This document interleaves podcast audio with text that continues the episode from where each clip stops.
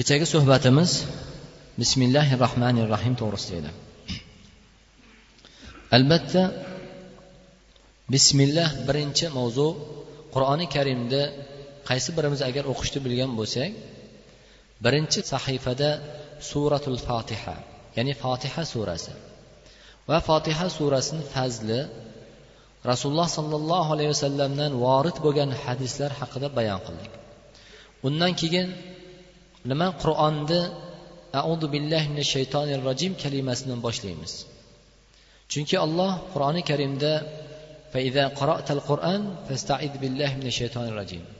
ya'ni agar qur'on o'qiydigan bo'lsak nima? Alloh subhanava taolo audu billahi min shaytonir rojim kalimasi bilan mana bu ushbu kalima bilan boshlashlikka buyurdi. Albatta qur'onning tilovat qilayotganda shaytonning vasvasidan va albatta biz ojiz ekanligimizni bu shayton alayhi la'nani bizga bo'lgan fitnalardan faqatgina yaratuvchi zotni o'zigagina saqlashligini iqror bo'lishligidir undan keyin bismillahi rohmanir rohim ya'ni audu panoh so'rayman kimdan? O'sha shayton marjum bo'lgan allohning rahmatidan dunyo oxiratda yiroq bo'lgan malun bo'lgan ollohning la'natiga qolgan shaytondan ollohdan panoh so'rayman deb boshlaymiz. Undan keyin bismillahi rohmanir rohim bismillahi rohmanir rohim bu albatta qur'oni karimda har bir surani boshlanishida ushbu kalima bilan boshlashlikka buyurildik. Va bu bismillahi rohmanir rohimni nafaqat qur'oni karimda balkim har bir so'zimizda ham va har bir amalimizda ham allohni ismi bilan bu bismillah bilan boshlangan amal va so'z albatta alloh tomonidan barakotli bo'lishiga olloh va izzati va jalali meni ulug'ligiga allohning jaloliga va azizligiga qasam ichgan holatida nima? Alloh subhana taolo bunga va'da berdi. Bismillah allohni ismi bilan mehribon bo'lgan rahmdil bo'lgan zot allohni ismi bilan boshlayman degan ma'noda ekan. Undan keyin alhamdulillahi robbil alamin hammalarimiz alhamdulillah bu ashshukurillah xolisan.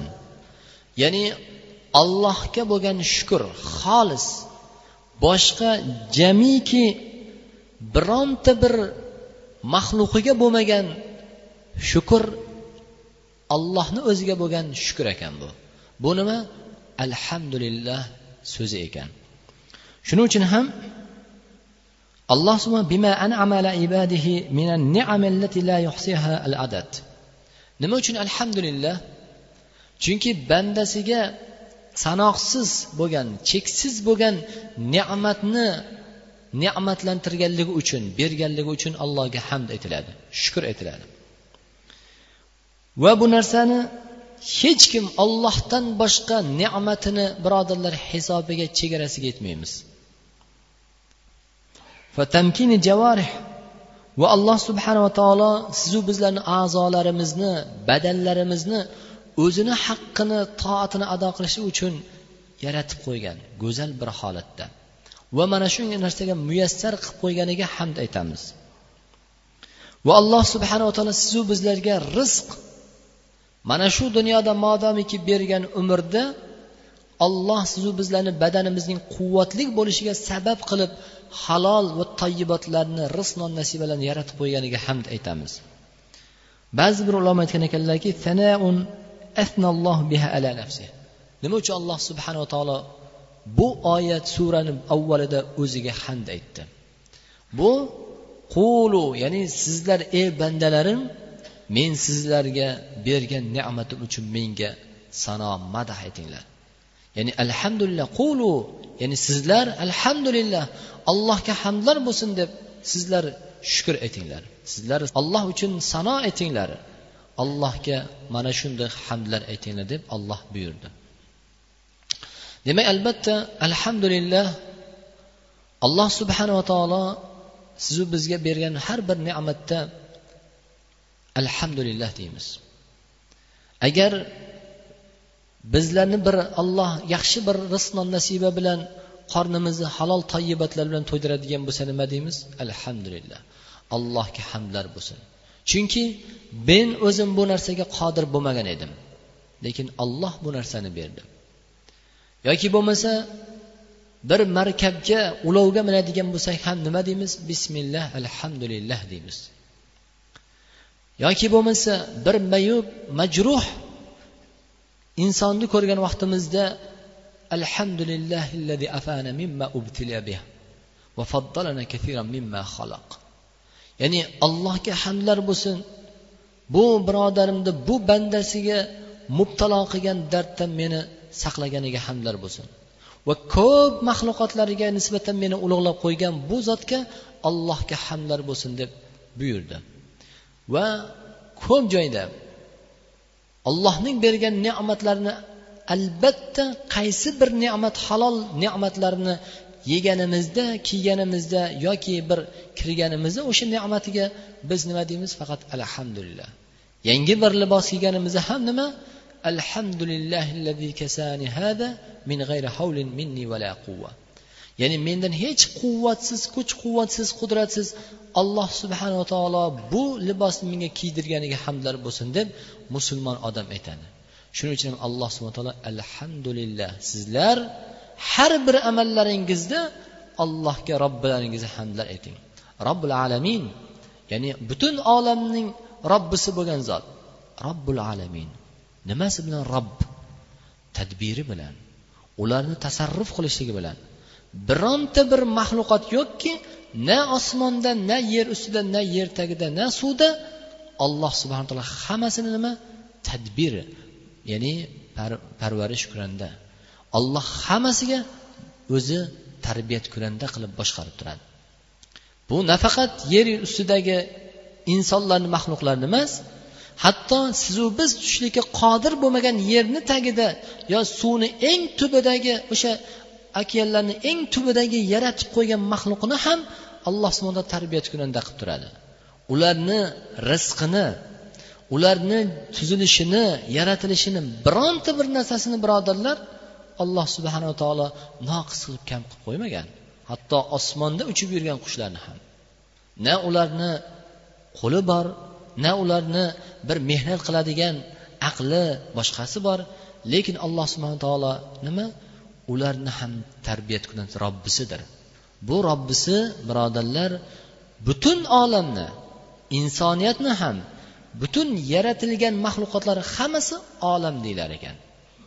Inson bir olam jinlar bir olam qushlar bir olam ya'ni sanab buni adog'iga yetib bo'lmaydi. Demak alloh subhana taolo hammasini nima? Robbisi.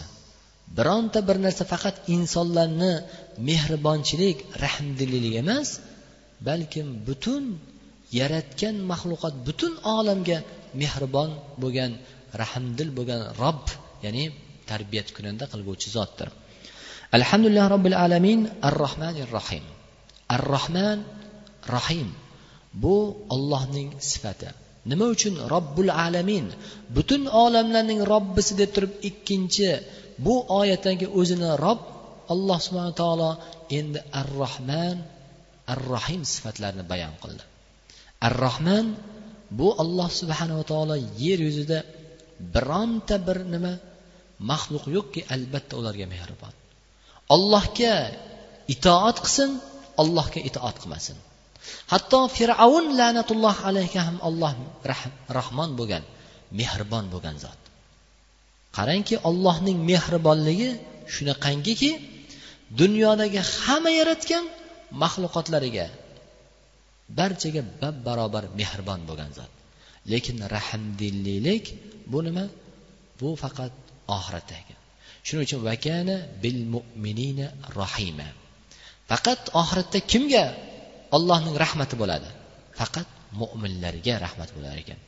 Dunyoda hammaga bab barobar ekan. Robbil alamin robbil alamin demak alhamdulillah robbil alamin. Bu ma'nosini tushundik. الرحمن الرحيم يعني قال فرعون وما رب العالمين؟ قال رب السماوات والأرض وما بينهما إن كنتم موقنين. فرعون in kuntum muqinin fir'avn aytdiki sizlar sig'inayotgan robbul alamin vaqtiki muso bu fir'avnni butun olamlarning robbisi bo'lgan allohga itoat etishlikka buyurgan vaqtida qol vama robbul alamin olamlarning robbisi nima bu? Kim u deganda qol robbus samavati val ard butun osmonlarni yer yuzini yerlarni vama baynahuma ularni o'rtasidagi butun maxluqotlarni robbisi bironta bir narsa ollohning birodarlar qudratidan ollohning ilmidan ollohning bir roziqlik sifatidan tashqariga chiqmaydi ollohni azamatidan tashqariga chiqmaydi birodarlar hamma narsa vama baynahuma. Osmonlaru yerlar o'rtasidagi jamiki maxluqotlar hammasi ollohni ya'ni tarbiyat kunandasida bo'ladi. Agar sizlarda yaqin bo'lganda agar sizlar mo'min bo'lganlaringda edi. Ar rohmanir rohim demak allohning ushbu sifatlari. Ar rohman demak alloh subhanava taolo bularni hamma tarbiyat kunanda qilib nima? Ularga rahmdil ham bo'lgan zot. Mehribon bo'lgan zot. Ularni hatto qarangki ollohning mehribonchiligini vahshiy hayvonlar. Biz aql bovar qilmaydi. O'zidan boshqa narsani agar yeyib turgan vahshiylik qilayotganini ko'rib bularda rahm shafqat yo'q bo'lsa kerak deymiz. Lekin qaraydigan bo'lsa o'zini bolasiga tishlaganda bolasini ozorlanmasligi sovuqda o'zini qo'yniga olishligi agar qorni bolasini uchun ularni harakatlanishligi ularni ov qilishlarini bir qarab qo'yaylik. Allohning rahmdilliligi mehribonligi vaqtiki bular nima? O'zini bir vaqt me'yorgacha alloh subhana taolo mehribonchilik rahmdillilik qilib turib ularga endi bir me'yordan keyin nima? Ular xuddi bir birlarini tanimagandek bo'lib ketadi. Shuning uchun alloh subhana taolo ya'ni bu yer yuziga o'zining rahmdillilik sifatidan to'qson to'qqizta yuzta bo'ladigan bo'lsa shundan bittasini yer yuziga maxluqlar o'rtasiga bergan ekan. Ya'ni yer yuzidagi butun maxluqotlar insonlar jinlar hayvonlar hasharotlar o'sha vahshiy hayvonlar ham hammasiga alloh subhana taolo bittasini ularga tarqatib bergan ekan. Hatto o'sha vahshiy hayvonlar ham bolasiga rahm qilishligi insonlar ham jinlar ham ota ona er xotin ya'ni farzand boshqalar hammasiga mehribonchilik qilishligi o'sha ollohning rahmatidan bittasi ekan. Qolgan to'qson to'qqiztasi nima? Olloh qiyomat kunida olib qo'yar ekan. Qiyomat kunida inshaalloh sizu biz mo'min musulmon bandalar uchun ana shu rahmdillilik alloh subhana taoloni tasavvur qilaylik birodarlar. Bu kunda qanchalik farzandlarimizga mehribonmiz? Qanchalik ota onamizga ahli ayollarimizga mehribonmiz? Lekin allohning o'sha bitta rahmati shunchalik tarqatilgan bo'lsa qolgan to'qson to'qqiztasi qolgan bu zotni rahmdilligi qiyomat kunida qandoq bo'lar ekan? Alloh hammalarimizga ana shunda alloh o'zining rahmatidan muyassar qilsin.